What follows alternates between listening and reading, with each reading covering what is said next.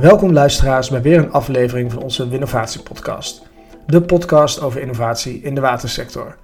Deze aflevering is een tweeluik met Martin Kuipers en Fieke Schoonis. We beginnen vandaag met Martin.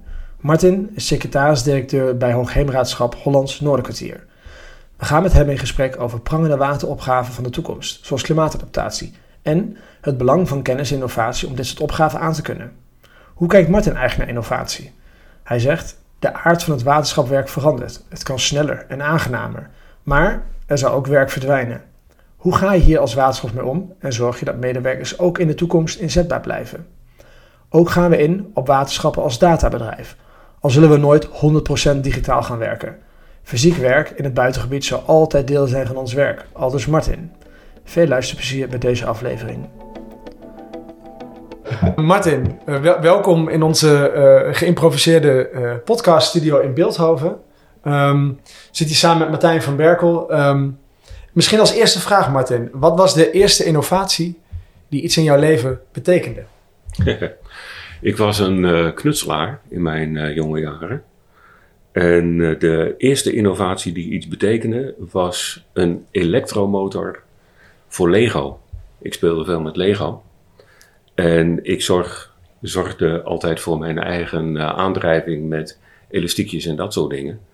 En nou, dan is een elektromotor wel een innovatie hoor. Hm. Ja, dus die betekende echt wat. Nou, en wat maakte die elektromotor voor jou uh, zo bijzonder? Ik bouwde met name van Lego autootjes. Hm. En ik heb iets met auto's, ik heb iets met techniek überhaupt. En uh, als je dan en een onafhankelijke wielophanging aan je auto wil maken en Lego voorziet daar niet in, dan moet je dat zelf doen. En dan moet je ook nog zitten prutsen met elastiekjes. Voor de aandrijving, dat was natuurlijk niet het echte ding. Dus uh, ik had na verloop van tijd gewoon een uh, autootje dat zelf kon rijden met dat elektromotootje. En een keurige onafhankelijke wielophanging en bestuurbare voorwielen. Dat was heel belangrijk toen voor mij. Nou, nou. En daarbij maakte je ook indruk op jouw vriendjes. Nou, nee. Want dat liet ik eigenlijk nooit zien. Dat was voor mij. ja. Ja. Mooi. En misschien is dat ook wel mooi, want je, je, jij bent eigenlijk, geeft dat ook uh, weer. Dit is een mooi voorbeeld van eigenlijk een eigen innovatie, uh, Martin. En jij werkt 18 jaar nu als secretaris-directeur voor Hollands Noorderkwartier. Um, hoe houd je dat voor jezelf spannend? Uh, al 18 jaar als directeur van waterschap. Je zit hier met twee millennials ook, ook aan tafel. Hè? je staat ook al bekend als jobhoppers. Hoe is dat voor jou om al 18 jaar voor een organisatie te werken? Nou, dat is heel bijzonder, want dit is de enige plek van mijn leven, kan ik wel mhm. zeggen, waar ik zo lang gezeten heb. En daar had ik ook niet van tevoren bedacht. Uh, als ik het heel kort uh, uh, vertel, het is voor een deel spannend gemaakt, omdat er um, in het begin van die 18 jaar een vreselijke bestuurlijke ruzie uh, uh, is ontstaan binnen het bestuur. En toen ben ik voor de organisatie blijven staan. Ik had een, uh, een aanbieding voor een baan bij Ahold op zak. Mm. En dacht, nu kan ik niet weg. Dus ik ben, ben gebleven. Dat was mijn eigen keus, niet dat daar druk op werd uitgeoefend. En de tweede keer dat ik eigenlijk een aanbieding op zak had, uh, werd mijn jongste dochter heel erg ziek. Echt heel erg ziek.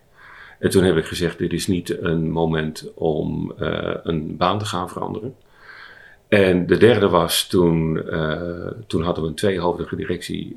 mijn directeur, mededirecteur, financieel er een zoutje van had gemaakt. En toen heb ik dat opgeruimd. Dan ga je ook niet weg. En eigenlijk geeft dat ook aan dat er, uh, dit zijn er dan wat minder leuke, spannende dingen, maar dat het spannend genoeg is. En wat, je, wat het met name, en dat zijn positieve dingen, spannend maakt, is dat waterschappen steeds relevanter worden voor de basisfuncties in Nederland. En of dat nou echt het oude, klassieke waterschapswerk is van veiligheid en droge voeten als je een datacenter in uh, West-Friesland of uh, de Noordkop hebt staan Mhm. van uh, uh, een, een, letterlijk een onschatbare waarde. Um, maar uh, het wonen in de stad, klimaatadaptatie, omgaan met in korte tijd op het verkeerde moment heel veel water. En in korte tijd op het verkeerde moment juist helemaal geen water. Dat zijn zaken waar waterschappen, naam zegt het al, verstand van hebben. En dat wordt steeds relevanter. We hebben het steeds meer nodig om de basisdingen van onze maatschappij te kunnen doen. En zie je daarmee ook in die uh, 18 jaar dat jij secretaris-directeur bent, uh, voor jouw hoogheemraadschap moet ik zeggen natuurlijk, hè? ik zei waterschap. Um, zie je dan ook dat in die 18 jaar al de opgaven ook steeds groter worden, ja. waarmee waterschappen te maken hebben? Ja, opgaven worden groter. Um, de maatschappelijke vervlechting van wat jij moet doen wordt steeds complexer. Als je dus uh, klimaatadaptatie hebt in de stad, dan zul je met elkaar moeten optrekken. Dan zul je in de ruimtelijke ordening wat moeten doen. Dan zul je een watervoorziening moeten hebben om op te vangen of uit te putten als het heel erg droog is. Je moet iets doen aan afkoeling van de stad, van de gebouwen. Tot en met, denk aan de droge periode. Het regent nu. Maar de droge periode die we gehad uh, hadden, als wij ons watersysteem niet op orde hadden gehad. In de Noordkop waren alle bollen uh, die daar uh, stonden, die waren verzild. Omdat in Noord-Holland het zoute water omhoog komt als die zoetwaterlaag verdampt en niet wordt, wordt aangevuld. je kunt dus niks. En Martin, hè, de, de opgaven worden steeds groter, waterschappen worden relevanter. Het thema van deze podcast gaat vooral over verandering van werk, ook ja. door, door, innovatie onder andere. Kun je iets vertellen hoe het werk dan van de afgelopen 50 jaar is veranderd van de waterschapper? Ja, um, wat eigenlijk nog steeds nodig is, is uh, kennis. En je zou denken dat als je gewoon een sloot hebt, dan heb je gewoon een sloot. En als je in algemene zin een watergang hebt. Maar dat is niet zo. Het waterbeheer op de Veluwe of in Limburg is fundamenteel anders dan in uh, West-Nederland. En dat heeft één factor, noemde ik al. Dat heeft te maken met verzilting. We zitten relatief dicht in Noord-Holland bij uh, uh, zoutwater, de Noordzee en via kwel, dus onder door de bodem komt dat water heel gemakkelijk omhoog als je die zoetwaterfilm niet hebt. Of als je te veel water onttrekt. En in het, uh, um, uh, het zand heb je juist te maken, kijk naar Regge en Dinkel, kijk naar um, Rijn en IJssel. Waar ze dit jaar al heel vroeg een beregeningsbod afkondigden. omdat er gewoon te weinig water is. Mm -hmm. Um, en je kunt dat alleen maar regelen met echt gebiedskennis. Hoe zit je gebied in elkaar? Dat zijn soms hele kleine dingen, maar dat moet je echt weten. En een van de veranderingen is uh, dat vroeger ging dat echt, hè, had je de meeste gezelconstructie. Dan iemand ging met pensioen en dan kreeg die een leerling mee en die liep dan één of twee jaar mee. Leerde de kneepjes van het vak en de praktijkkennis die iemand in 40 jaar werken had, uh, had opgedaan. En uh, vervolgens had je dat op die manier geborgd. Nou, de eerlijkheid gebied te zeggen dat wij voor een aantal functies hebben wij weer meestergezel constructies in het leven geroepen. Wat uh, op zich best uh, bijzonder is, maar een heleboel wordt natuurlijk nu gewoon vastgelegd.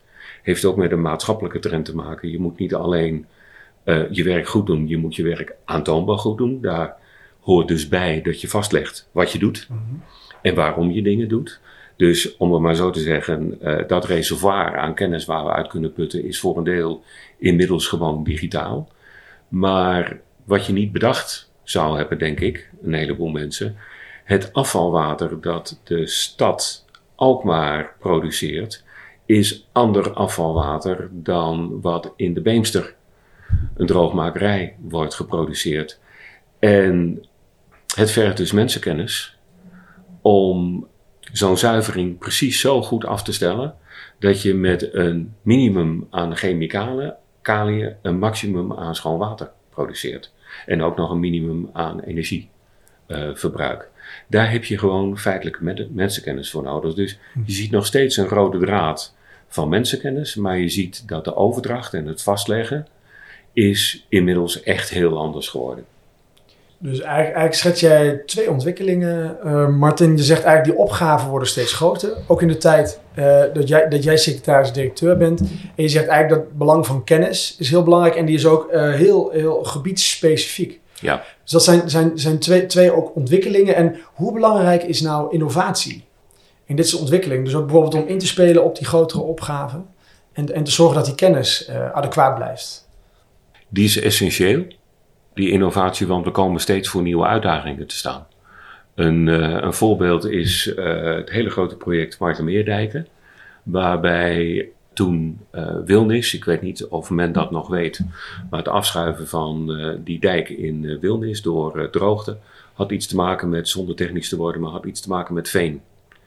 En iedereen werd vreselijk zenuwachtig van dijken op veen. En in de modellen waar je dan rekening mee moet houden, die door de minister worden goedgekeurd om ze te gebruiken, um, werd er eigenlijk van uitgegaan dat veen geen enkele kracht zou hebben om een dijk te kunnen dragen. Dat blijkt niet waar te zijn. Maar hoeveel dan wel? Nou, wij hebben dus bij dat hele grote project Mark de Meerdijken een proef gedaan. Dijk op veen heet ook letterlijk zo. Een proefopstelling uh, in de buurt van uh, Marken uh, gemaakt. Om te kijken wat gebeurt er nou als je op zo'n veenondergrond een, in dit geval gemodelleerde dijk, uh, steeds verder gaat belasten, zoals een dijk normaal gesproken belast zou moeten worden onder wat dan heet maatgevende omstandigheden. En uh, dan blijkt opeens zo'n dijk een stuk sterker te zijn dan uh, waar je mee moest rekenen. Het scheelt een heleboel maatschappelijk geld. En dit is nog zo ver is dat we nog niet alle vruchten ervan kunnen plukken. Nog niet alles is verwerkt in modellen, want dat moet natuurlijk wetenschappelijk verantwoord. En het gaat om mensen die je beveiligt. Dus daar wil je extra voorzichtig zijn. Maar het betekent wel dat uh, zoiets uiteindelijk uh, het maatschappelijke voordeel oplevert van je zit nog steeds veilig, maar je kunt met minder financiële inspanning toe. En in een aantal gevallen hoef je minder in de achtertuin van mensen te grutten en te doen om ze toch veilig te laten zitten. Een mooi voorbeeld, zo die dijken op Veen. Ik ben altijd wel van een voorbeeld. Heb je toevallig ook nog een ander voorbeeld, eh, Martin? Ja, wat ik zelf heel erg leuk vind is, wij hebben uh, heel veel mensen die een heleboel dingen kunnen. Die in het veld werken, maar een heleboel dingen kunnen. Die kunnen lassen en die kunnen denken en die kunnen met hun handen werken en die combineren dat af en toe ook. Wat je wellicht weet is uh, van die stuifschermen van riet op het strand om zand vast te houden en duin aangroei te bevorderen. Is goed voor de waterkering. En dat was handwerk tot een jaar of vijf, vier geleden. En uh, afgezien van het feit dat het op lange termijn je rug kost, want het is loodzwaar werk, maar deed je met een goed ingewerkte ploeg 400 meter op een dag. En uh, wij kregen een nieuwe collega in die uh, ploeg die ervaring had in koolteelt. Daar gaan ze heel anders om met het planten van kool. Daar ligt niemand meer krom overeind. Doen ze met apparaten en die heeft die kennis gecombineerd. Waardoor wij zelf een rietschermzetmachine, zes keer woordwaarde voor Scrabble, hebben ontwikkeld. Die vier kilometer op een dag doet. En niemand sloopt zijn rug meer. Ja, mooi voorbeeld van uh, cross-industry innovation, ja. Martin. Ja. En nu is het natuurlijk zo dat al die andere waterschappen aan de kust ook deze innovatie hebben omarmd. Um, ja, geestelijk zeker. Ma materieel uh, volgen ze gewoon hun afschrijvingsregime, dus dat komt wel. En wij zijn ook wel benieuwd als je kijkt hè, vanuit jouw positie als secretaris-directeur naar je eigen organisatie. Wat zijn nou de innovaties met impact? Hè, welke innovaties hebben nou echt veel impact op die organisatie en waar zit dan de grootste impact ook? Nou, als ik weer even die rietschermmachine uh, pak. Uh, we hebben ook nog uh, zoiets met een, een maaiboot. Als, ja, als werkgever toestaat dat je mag experimenteren als mensen goede ideeën hebben. Dat je toestaat dat er ook eens een keer iets fout gaat, maar dat je ook toestaat om geld te investeren om onaangenaam en zwaar werk beter te maken dan heeft dat een buitengewoon positieve invloed op hoe je als werkgever uh, gepercipieerd wordt en hoe je met elkaar kunt werken. Dat zijn van die dingen waar ik als algemeen directeur van zeg, dat maakt of je organisatie swingt of niet. Je kunt je werk heel goed doen, maar dit is even een laagje erbovenop. De keerzijde is dat er collega's zijn die het Spaans benauwd krijgen van al die innovaties. En denken zo van, maar shit, straks is mijn werk er helemaal niet meer. En dan moet je juist helemaal de andere kant op. Want ehm, ik wil innovatie niet tegenhouden, maar je kunt het ook helemaal niet tegenhouden. Daar ben ik tenminste van overtuigd.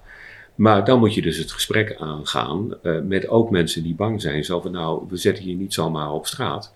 Maar het betekent wel dat je zelf ook in beweging moet komen. Want als het waar is dat het werk echt wordt overgenomen door een of ander apparaat, dan moet je er dus voor zorgen dat je ander werk kunt gaan doen.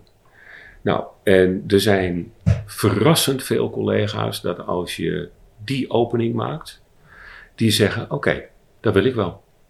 En we hebben collega's die echt van de ene tak van sport compleet naar de andere zijn gegaan. En um, ik kan de vervolgvragen bedenken. En collega's die echt niet willen, ja, die krijgen een ander gesprek. Hmm. Zeg ik dan ook maar uh, even. Uh, we zijn geen filantropische instelling. Dus dat uh, betekent dat er nog een keer één, twee of drie goede gesprekken zijn waarom veranderen moet. En als dat niet lukt, dan gaan we op zoek naar een andere plek. En dat kan dus ook heel goed een plek buiten de organisatie zijn. En zijn er ook tips waardoor je zeg maar, dat enthousiasme voor veranderen bij de collega's kunt aanwakkeren? Wat bijna iedereen over de streep trekt, is dat iets werkt, dat iets helpt. En niet dat het leuk is. Hè? Je, je kunt genieten van, uh, ik kan genieten van hele mooie techniek. Maar um, nou, ik zou haast zeggen, we zijn nog steeds bezig om te kijken waar een buckyball goed voor is. Hè? Uitgevonden en de techniek vind ik helemaal fantastisch. En de gedachte dat je daar misschien medicijnen in kunt stoppen om die heel gericht naar een zieke orgaan in de mens te sturen. Maar het is nog steeds niet gelukt. Nou, dat zie je ook in de publiciteit helemaal wegzakken. Niemand heeft het meer over de buckyball.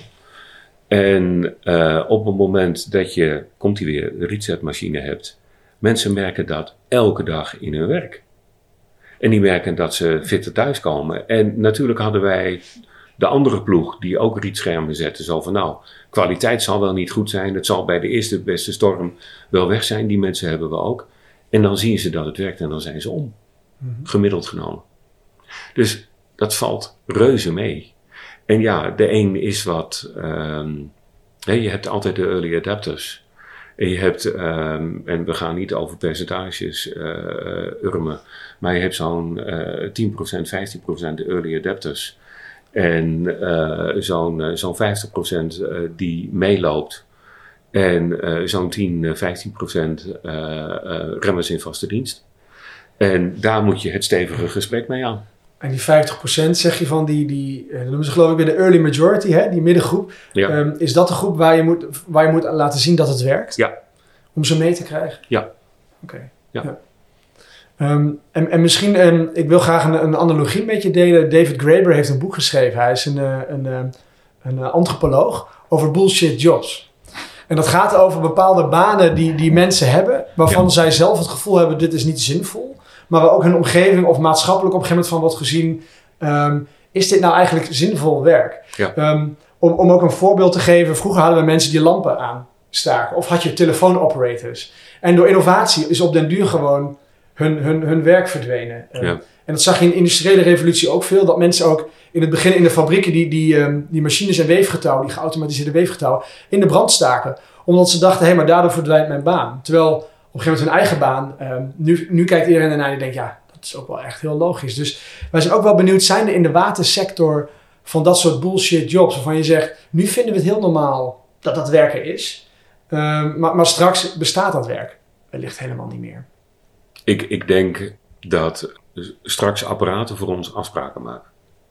Bijvoorbeeld, hè, dat is, en ik heb nog steeds een uh, managementondersteuner, waar ik ontzettend blij mee ben, want ook dat is een vak. Maar ik denk dat afspraken maken, dat gebeurt straks gewoon door apparaten. Dus volgens mij op overzienbare termijn verdwijnen delen van verdwijnen werkzaamheden, delen van functies. Maar ik denk dat er altijd iets voor in de plaats komt, omdat we ook steeds meer weten. Ik bedoel, wij werken inmiddels ook met sensoren in dijken, uh, waardoor een visuele inspectie niet meer nodig is.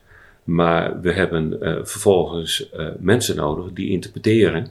Oké, en wat levert dit nou voor beeld op? De Haringvlietdam, daar rekent een computer aan of die dicht moet. Maar uiteindelijk is er nog steeds iemand die op het knopje drukt om hem echt dicht te doen.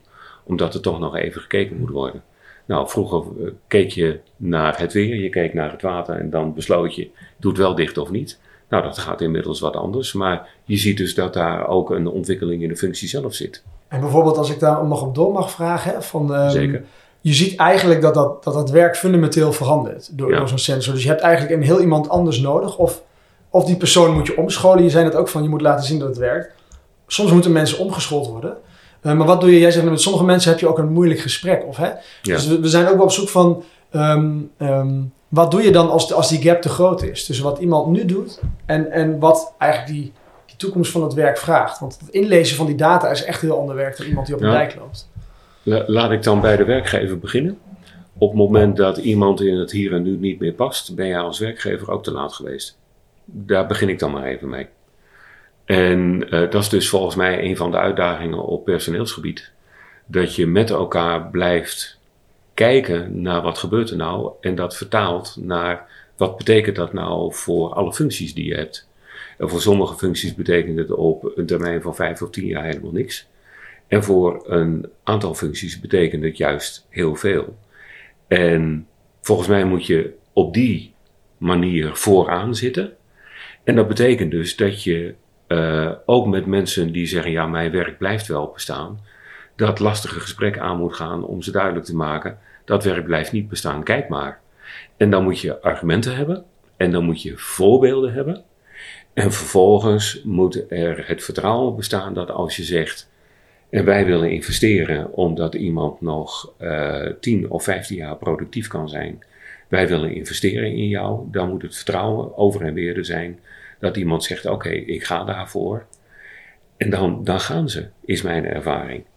En uh, ik, ik kan niet genoeg benadrukken, als dus iemand in het hier en nu de ontwikkelingen heeft gemist en eigenlijk niet meer op zijn plek zit, heb jij als werkgever ook iets niet goed gedaan. En als mensen komen, hè, ze komen van buiten en ze zeggen: Ja, maar dit is helemaal niet wat ik wil.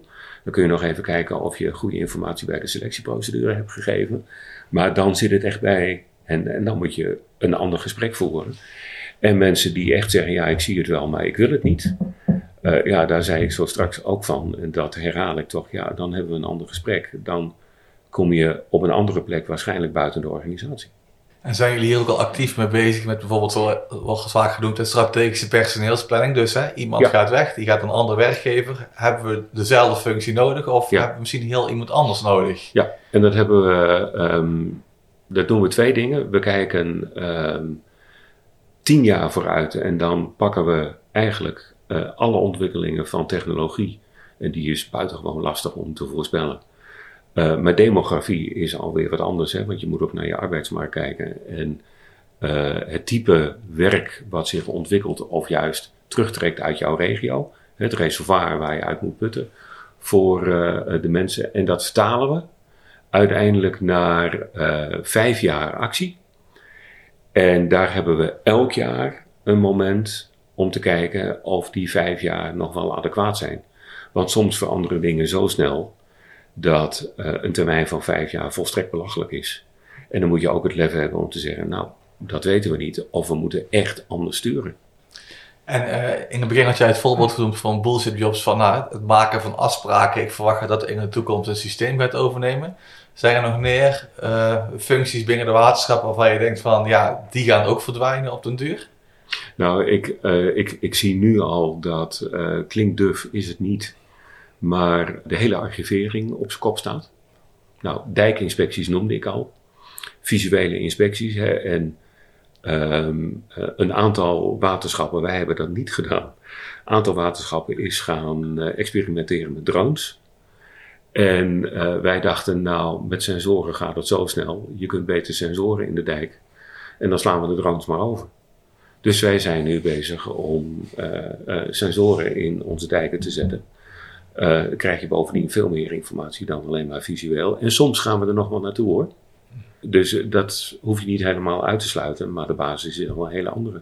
procesautomatisering van zuiveringen. gebeurt nu al grotendeels op afstand. Maar er kijkt nog steeds om redenen die ik net noemde. Het vuile water van Alkmaar is anders dan van de Beemster. Uh, daar moet je nog uh, steeds naar kijken. We halen steeds meer stoffen eruit.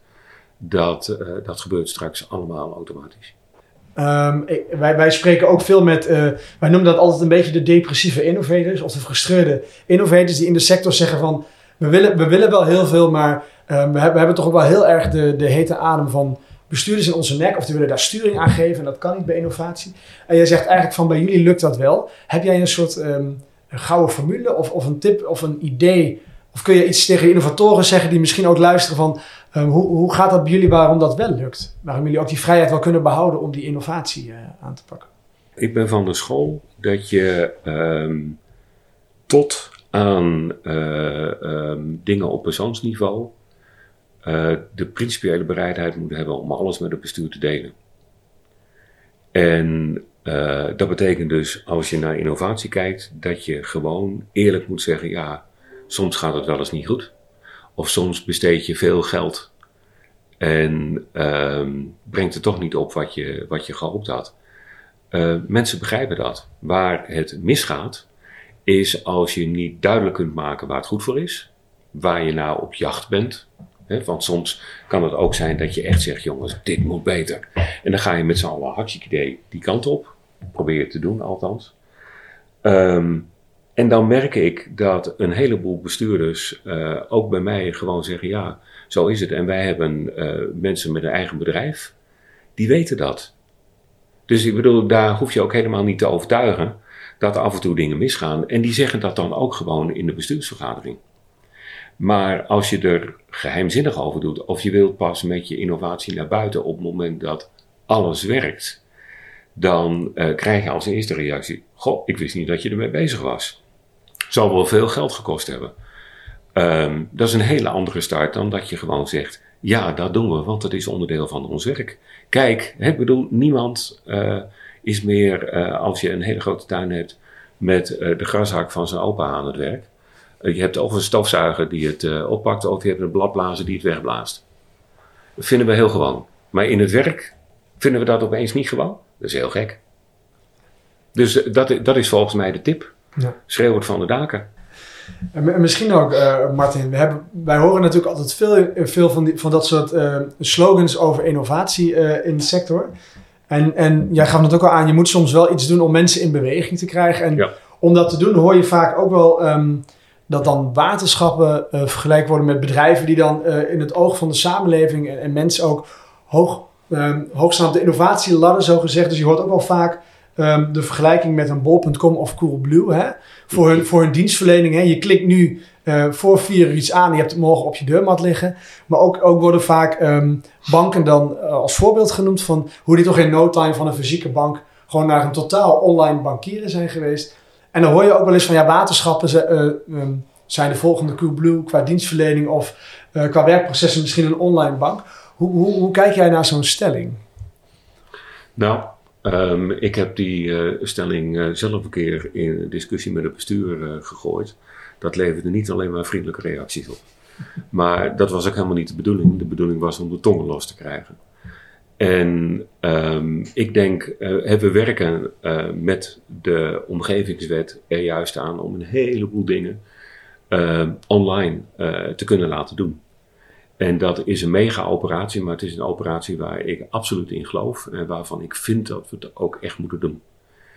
Um, maar Coolblue, Open.com en Triodos Bank hebben één ding wat anders is dan bij waterschappen. Zij hebben klanten, wij niet. En het kenmerk van de klant is dat als de dienstverlening niet bevalt, loopt die weg. Want van Bol kun je naar Coolblue en dan kun je hetzelfde kopen. En van Triodos kun je naar de ING of omgekeerd. En dan kan, bij ons kun je niet weglopen. En um, dat is een wezenlijk andere positie. Nog afgezien van het feit dat wij per definitie in het publieke domein opereren en de Cool Blues van deze wereld opereren in het privé domein. En uh, dat maakt dat ik denk dat een aantal dingen fundamenteel anders is. Denk als eerste maar aan de verantwoording, maar ook aan de speelruimte die je hebt. En je ziet daar wel een, een, een, een ontwikkeling in. Hè? Was het vroeger zo, onder gelijke omstandigheden krijg je hetzelfde. Uh, maar in extremo is dat one size fits no one. Uh, krijg je nu onder gelijke omstandigheden krijg je het zijne. Of het jouwe, kun je beter zeggen. Krijg je, krijg je het jouwe.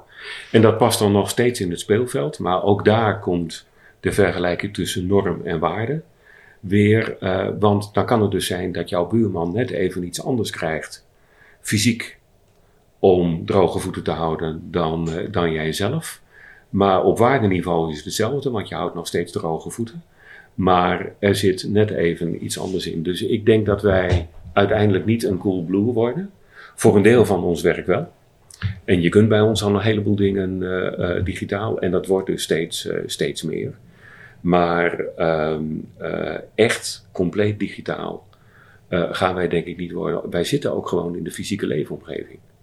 En wat je ziet is, um, en dat is ook zo'n innovatie wat echt anders is bij mensen. Vroeger was het zo dat als jij goed sluisdeuren kon bouwen, dan bouwde jij goed sluisdeuren en daar werd er niet van uitgegaan dat jij ook nog een goed gesprek met omwonenden kon voeren. Zo van, is dat nou wel nodig en waarom moet het zo en waarom kan het niet anders? Inmiddels is het zo dat de, de mensen die bij ons sluisdeuren kunnen bouwen, en we hebben er nog steeds een paar, want aannemers kunnen het, maar onze mensen kunnen het beter. Um, en die moeten het gesprek aan kunnen om tot goede sluisdeuren te komen. Uh, maar al onze mensen kunnen inmiddels ook de gesprekken aan, want uh, onze omwonenden vinden het nog heel fijn, nog steeds heel fijn, om gewoon echte mensen te zien die bezig zijn met de veiligheid, die bezig zijn met het watersysteem. En als je maatwerk wilt hebben op, uh, omdat je in financiële problemen zit en met een betaalregeling wil komen, dan volstaat niet een standaard betaalregeling. Want jouw probleem, jouw vraag is niet standaard. Dus wij hebben een callcenter. En voor 85% van de gevallen is dat helemaal prima. En dat kun je denk ik uiteindelijk ook helemaal digitaliseren. Maar voor die 15% kom je weer bij een mens uit. We gaan natuurlijk wel steeds meer. Uh, machines gaan het werk overnemen van mensen. We gaan steeds meer data krijgen. Kun je wel stellen dat dan de waterschappen wel steeds meer richting een IT-bedrijf gaan bewegen, zonder dat we het meteen zijn? Nou, misschien wel een databedrijf. Nog meer. Mm-hmm. Wij, de, de grootste uitdaging de komende tijd voor ons is niet om uh, dingen te gaan doen met de data, maar om te begrijpen wat we hebben. En de allergrootste uitdaging is om het actueel te houden. En het helpt natuurlijk als je dat niet allemaal meer zelf hoeft te, te verzamelen. Dus daarom zijn we ook, hè, ik noemde het zo straks al, uh, sensoren in, uh, in dijken. Uh, onze zuiveringen meten we ons helemaal scheel. Watersystemen meten we ons inmiddels helemaal scheel. Maar om op het moment dat jij data nodig hebt, en uh, je bent geautoriseerd en je logt in en je haalt die data naar boven, dan moet jij er blind op kunnen vertrouwen dat ze integer zijn, dat ze actueel zijn en uh, precies op de situatie slaan die jij nodig hebt. Nou, um, volgens mij zitten wij al op die goudmijn, maar uh, we zijn nog maar aan het begin van het graven van een tunneltje. Om het even zo te zeggen. Om te innoveren hoor ik ook vaak een beetje de stelling van nee, eerst moet de basis op orde zijn. We gaan steeds meer data krijgen, dus die basis wordt ook steeds groter. Hoe voorkom je dat je elke keer in de discussie uh, verzandt? Door gewoon te zeggen, we gaan niet voor de vierde keer de discussie doen. Mm-hmm. Je, je, hebt, je hebt geen tijd meer om te zeggen, eerst de basis op orde. Volgende maand is de basis anders. Dus je, je, je, je moet een methode verzinnen om ervoor te zorgen dat je het op orde houdt.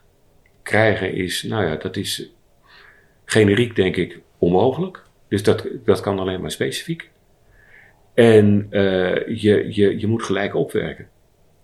En dat kan dus ook zo zijn dat je zegt, nou we werken uh, nog even een tijdje met wat we hebben, maar het nieuwe wat we doen, en bijvoorbeeld het voorbeeld van het financiële systeem, is zo'n voorbeeld waarbij we uiteindelijk gezegd hebben: ja, we denken dat het nu goed is, we hebben ook niet meer tijd en we gaan nu over. En dan, kom je, dan moet je dus een reparatieploeg hebben. Dus de eerste twee maanden, letterlijk, hebben we echt een aparte ploeg gehad die ook altijd en overal te bellen was. voor de problemen die onvermijdelijk optreden. Maar wij waren nu nog bezig geweest met de basis op orde te krijgen. Als we niet gewoon gezegd hadden, nu gaan we live. Ja, dan kom, dan kom je echt nergens. Dus uiteindelijk moet je gewoon ook maar het lef hebben om te zeggen, nou, dit is genoeg. Ik kan me ergens aan vastgrijpen als het misgaat. En hartstikke idee, we gaan. Ja, bij ons wordt ook wel eens de stelling zo, uh, meer met ongeveer. Hè? Dus gewoon inderdaad zo gaan. ja, ja, ja. Maar je moet ook een beetje lef hebben en Um, een van de hele grote dingen die volgens mij door uh, de coronacrisis uh, gebeurt, is dat iedereen met zijn neus op het feit is gedrukt dat leven niet risicoloos is. En wij hadden zoveel dingen zo goed voor elkaar. Wij zijn zo'n bulkend rijk land. Dat een heleboel mensen volgens mij stiekem gedacht hebben dat het leven wel zo ongeveer zonder risico's is. En dat is niet zo. Dit is mijn stellige overtuiging, dat is niet zo. En dat betekent dus, als je het heel simpel maakt van zo'n financieel systeem, als je overgaat, loop je een risico. Ja, en dan? Welkom in het leven. Volgens mij ook een mooie afsluiting uh, uh, van, van deze podcast. Dankjewel Martin uh, Graag gedaan. voor je tijd en je aanwezigheid hier. Dit was alweer de aflevering met Martin Kuipers. Het volgende gesprek is met Fieke Schoonis.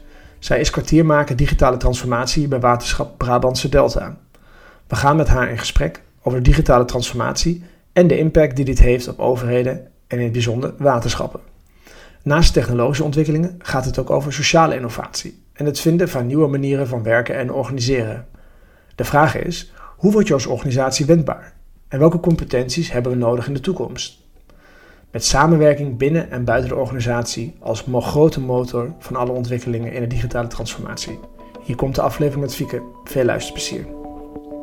Welkom Fieke in onze innovatiepodcast hier vanuit Beeldhoven. Uh, misschien een vraag om af te trappen ook. Wat was de eerste innovatie die in jouw leven iets betekende?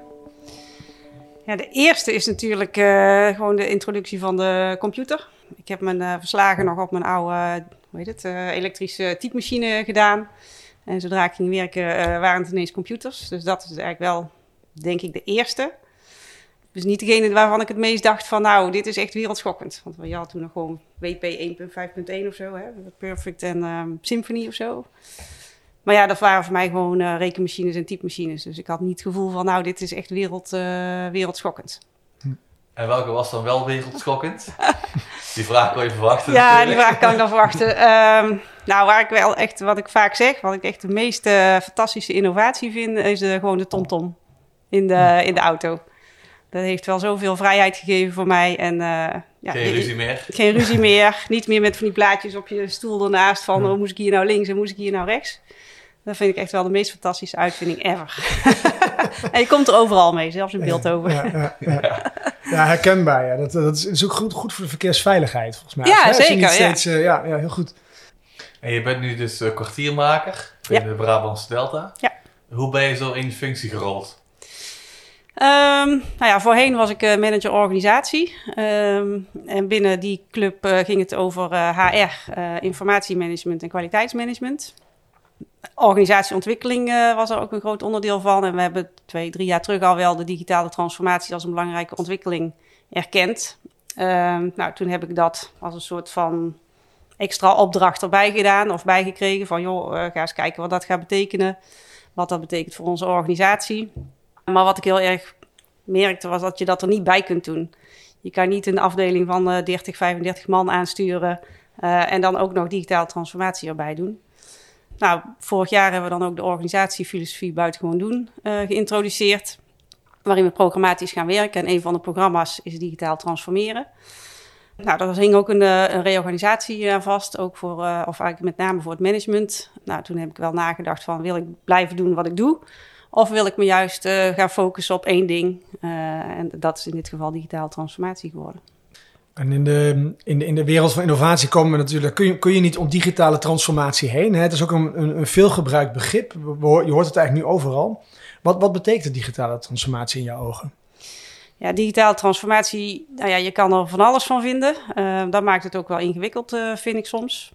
Maar ik denk dat het vooral betekent dat je, uh, je, je werkprocessen, maar misschien ook wel de producten en de, en de diensten die je levert als waterschap, dat je die op een andere manier of anders gaat organiseren.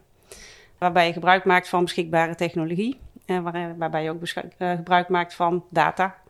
Data die we hebben, maar ook data van anderen.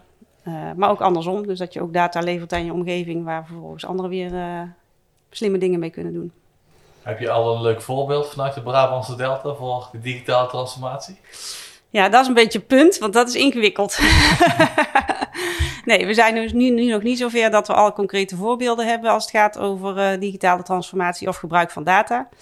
Waar we vooral mee bezig zijn, of in ieder geval afgelopen jaar heel veel in hebben geïnvesteerd, is het op orde krijgen van een heel aantal randvoorwaarden. Dat gaat over informatiemanagement, gaat over informatieveiligheid, over de AVG, over werk onder architectuur, over bewustwording van organisatie en medewerkers. En we staan nu op het punt om dat ook wat meer inhoudelijke vorm te gaan geven. En dat betekent dat we nu kijken van welke pilots kunnen we gaan doen, welke experimenten kunnen we gaan doen, welke samenwerkingsvormen zijn interessant. En, en, en hoe doe je dat, die keuzes maken? Want als het gaat over nieuwe technologieën, ze noemen ook, het ook wel eens een snoepwinkel genoemd. Hè? Je kunt eigenlijk ja, je kunt zo gek niet bedenken of er is wel een mooie technische oplossing voor. Hoe navigeer je nou in al die keuzes? Ja, dat doe, je, dat doe ik niet alleen natuurlijk. Hè. Dat doe je samen met de organisatie, dat doe je ook samen met het bestuur. Nou, het heeft te maken met uh, beschikbaarheid van capaciteit. Het heeft te maken met beschikbaarheid van, uh, van geld, van expertise. Maar ook van enthousiasme van, van de manager zelf of van medewerkers. Mensen die kansen zien en ze zijn behapbaar en inpasbaar, die, die ondersteunen en faciliteren we zoveel als mogelijk. Ja, en hoe dat straks, zeg maar, in dat hele prioriteringsvraagstuk, ja, dat vind ik ook nog wel een ding hoor. Ik denk dat het vooral ook een bestuurlijke keuze gaat worden.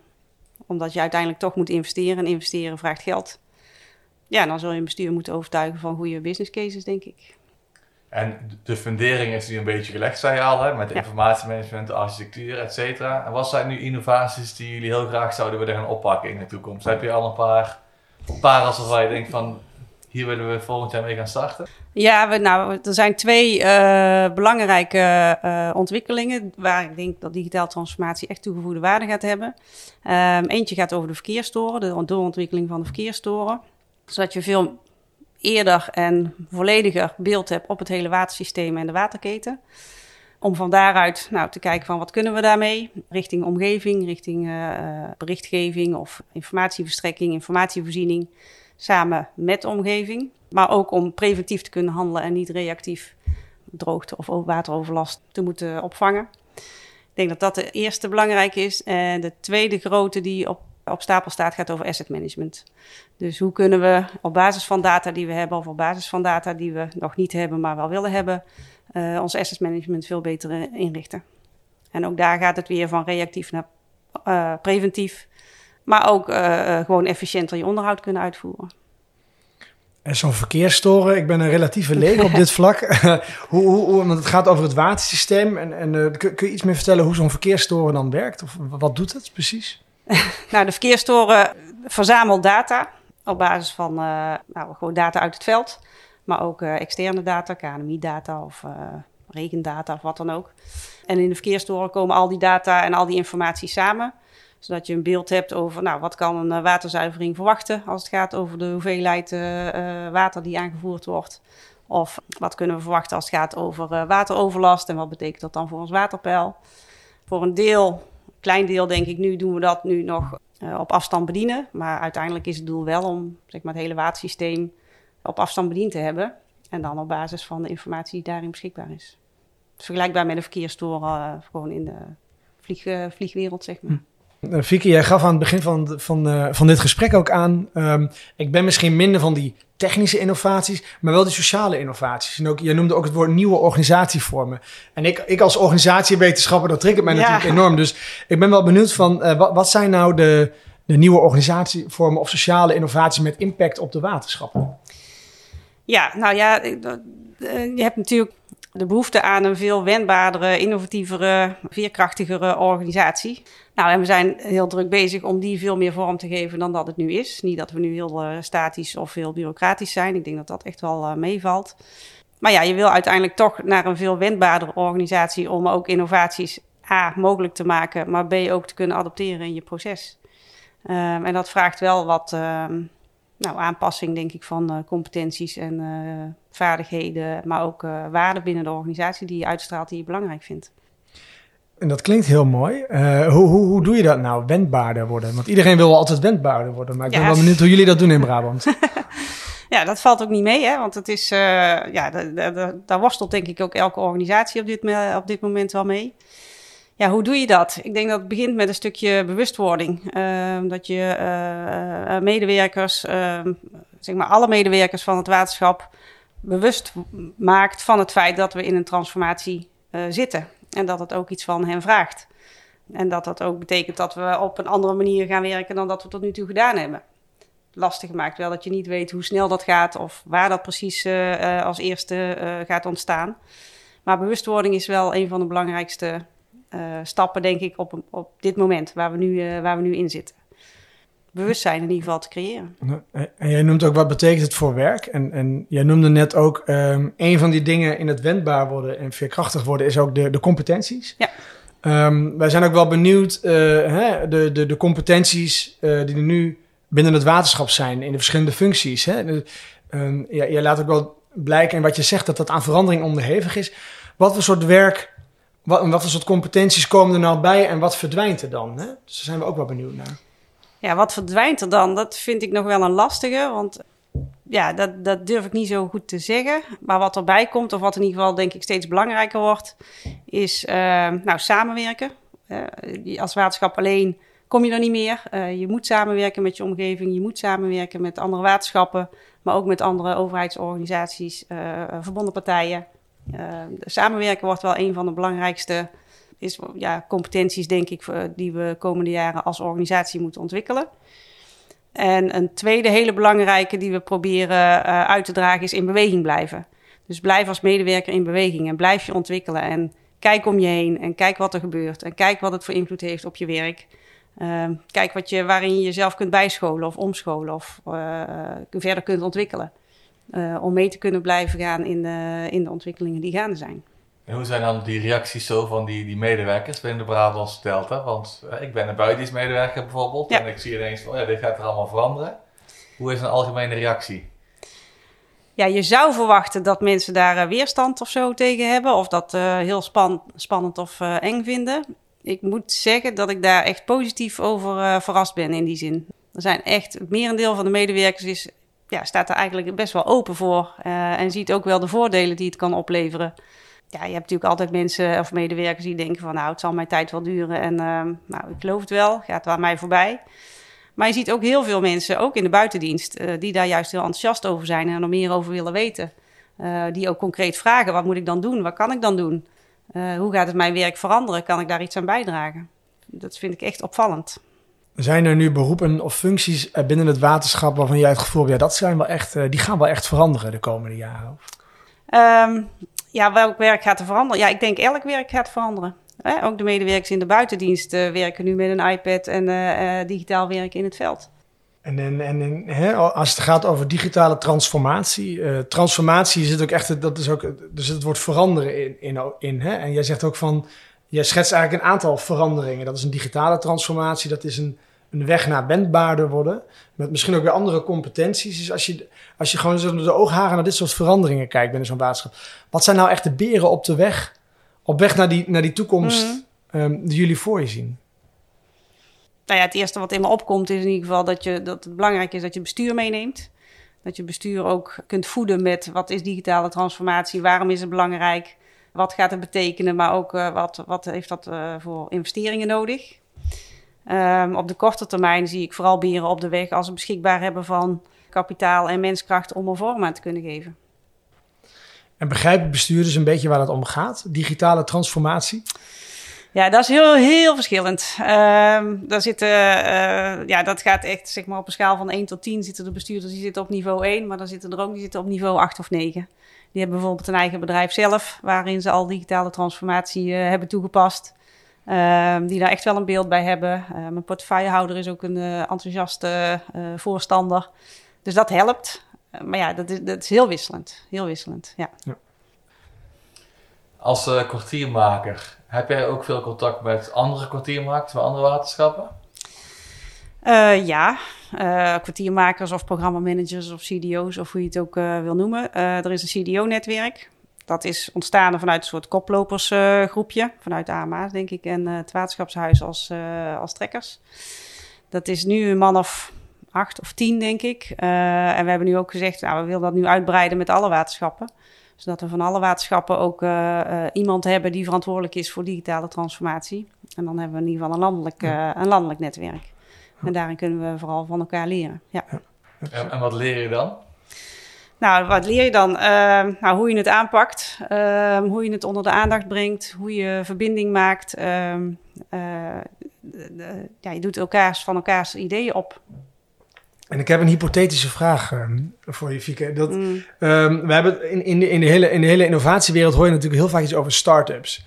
En dat wordt ook vaak wel, een, wel, een, wel wat geïdealiseerd van, goh, stel nou dat je gewoon helemaal met een, met een schone lei kan beginnen en een start-up kan beginnen. Stel, um, het waterschap Brabantse Delta is zo'n start-up.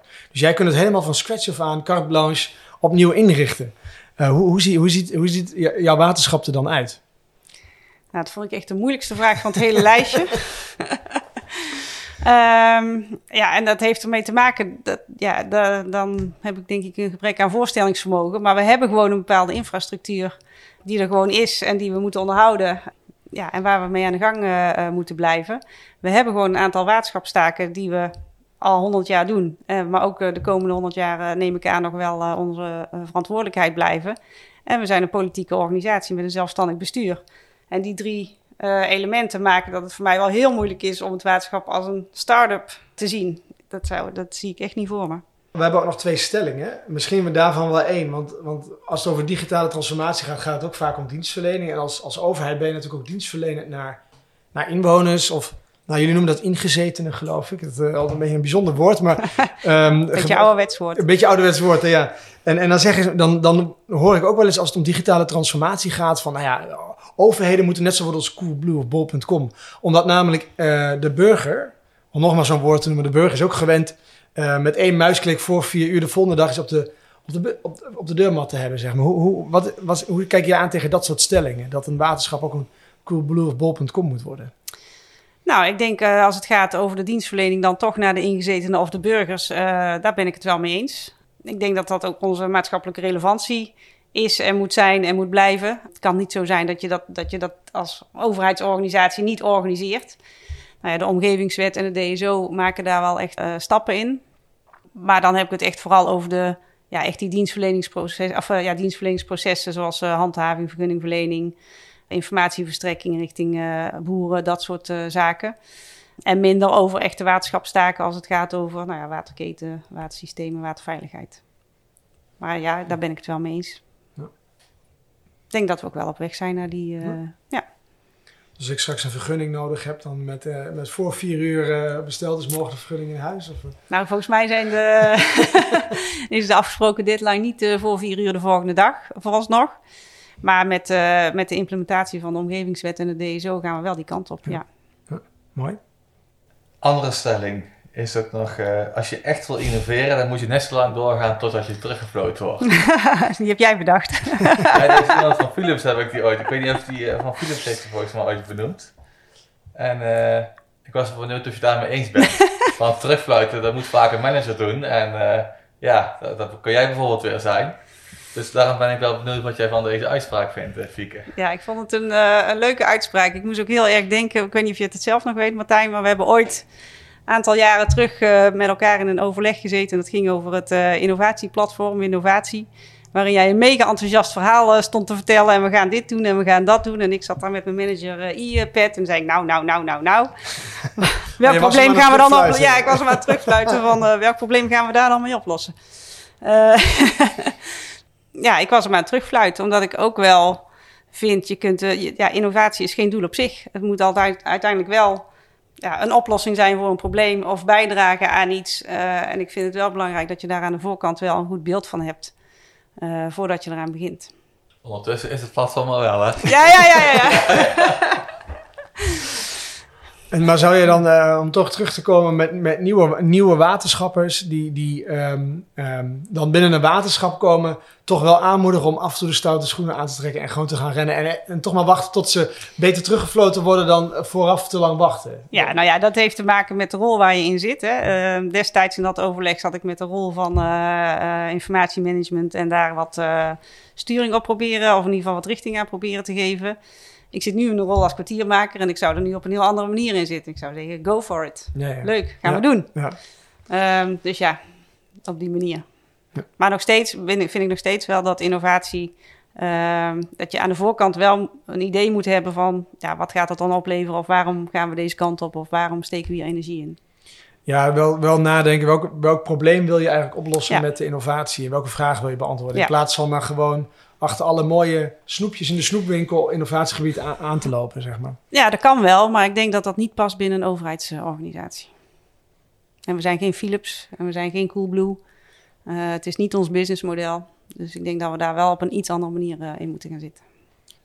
Uh, weer even iets anders spieken. soms hoor je ook wel eens zo'n buitendienstmedewerker zeggen van... Nou, dat hebben ze weer daar op het hoofdkantoor bedacht, hè? Hoe zorg je ervoor dat jij wel gewoon feeling krijgt met het feeling houdt met het werk buiten? Ga je ook af en toe bijvoorbeeld op werkbezoek of hoe? Nou, ik zelf uh, nog niet, maar dat is een goede tip, uh, Martijn, dankjewel. maar we proberen wel in alle ontwikkelingen die we doen om uh, buiten en binnen wel met elkaar in verbinding te houden. En ook bij nieuwe ontwikkelingen, ook buitendienstmedewerkers daarin nadrukkelijk te betrekken, maar ook om input te vragen. Dat is eigenlijk wel een ehm, nou ja, een, uh, een handelswijze die we een aantal jaren geleden wel echt op in hebben gezet. En die gewoon, uh, gewoon goed is geworden. Dus ja, en dan hou je nog steeds wel hoor, dat, uh, dat ze denken van wat hebben ze nu hier op het hoofdkantoor bedacht. Ik denk wel dat het belangrijk is dat we ook meer dan nu nog uitleggen van wat hebben we dan met die input gedaan. en wat kunnen ze wel en wat kunnen ze niet verwachten. maar wel dat we in ieder geval serieus nemen waar, hun, waar zij tegenaan lopen in hun werk. En is zo'n opgave als um, klimaatverandering, natuurlijk ook nu met de droogte, is heel actueel. Uh, ik kom zelfs uit Twente, daar is het echt ook een issue. En ik las ook in Brabant ook. Is zo'n klimaatverandering nou ook een belangrijke drijver van die ontwikkeling op het gebied van digitale transformatie? Ja, uh, dat, zie je, dat zie je als je uh, die programma's naast elkaar legt en die, en die ambities met elkaar vergelijkt. Dan zie je dat digitale transformatie een enorme bijdrage kan leveren aan klimaat en duurzaamheid. Uh, maar veerkrachtig organiseren weer aan digitale transformatie en, uh, en vice versa. Um, en met elkaar zo uh, de waterprogramma's verder kunnen helpen. Dankjewel Fieke voor jouw komst hier in Beeldhoven en dit fijne gesprek. Graag gedaan.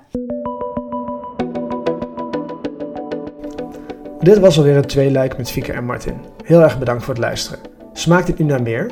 Volg onze Winnovatie podcast dan via jouw favoriete platform en leer meer over innovatie in de watersector. Graag tot de volgende keer.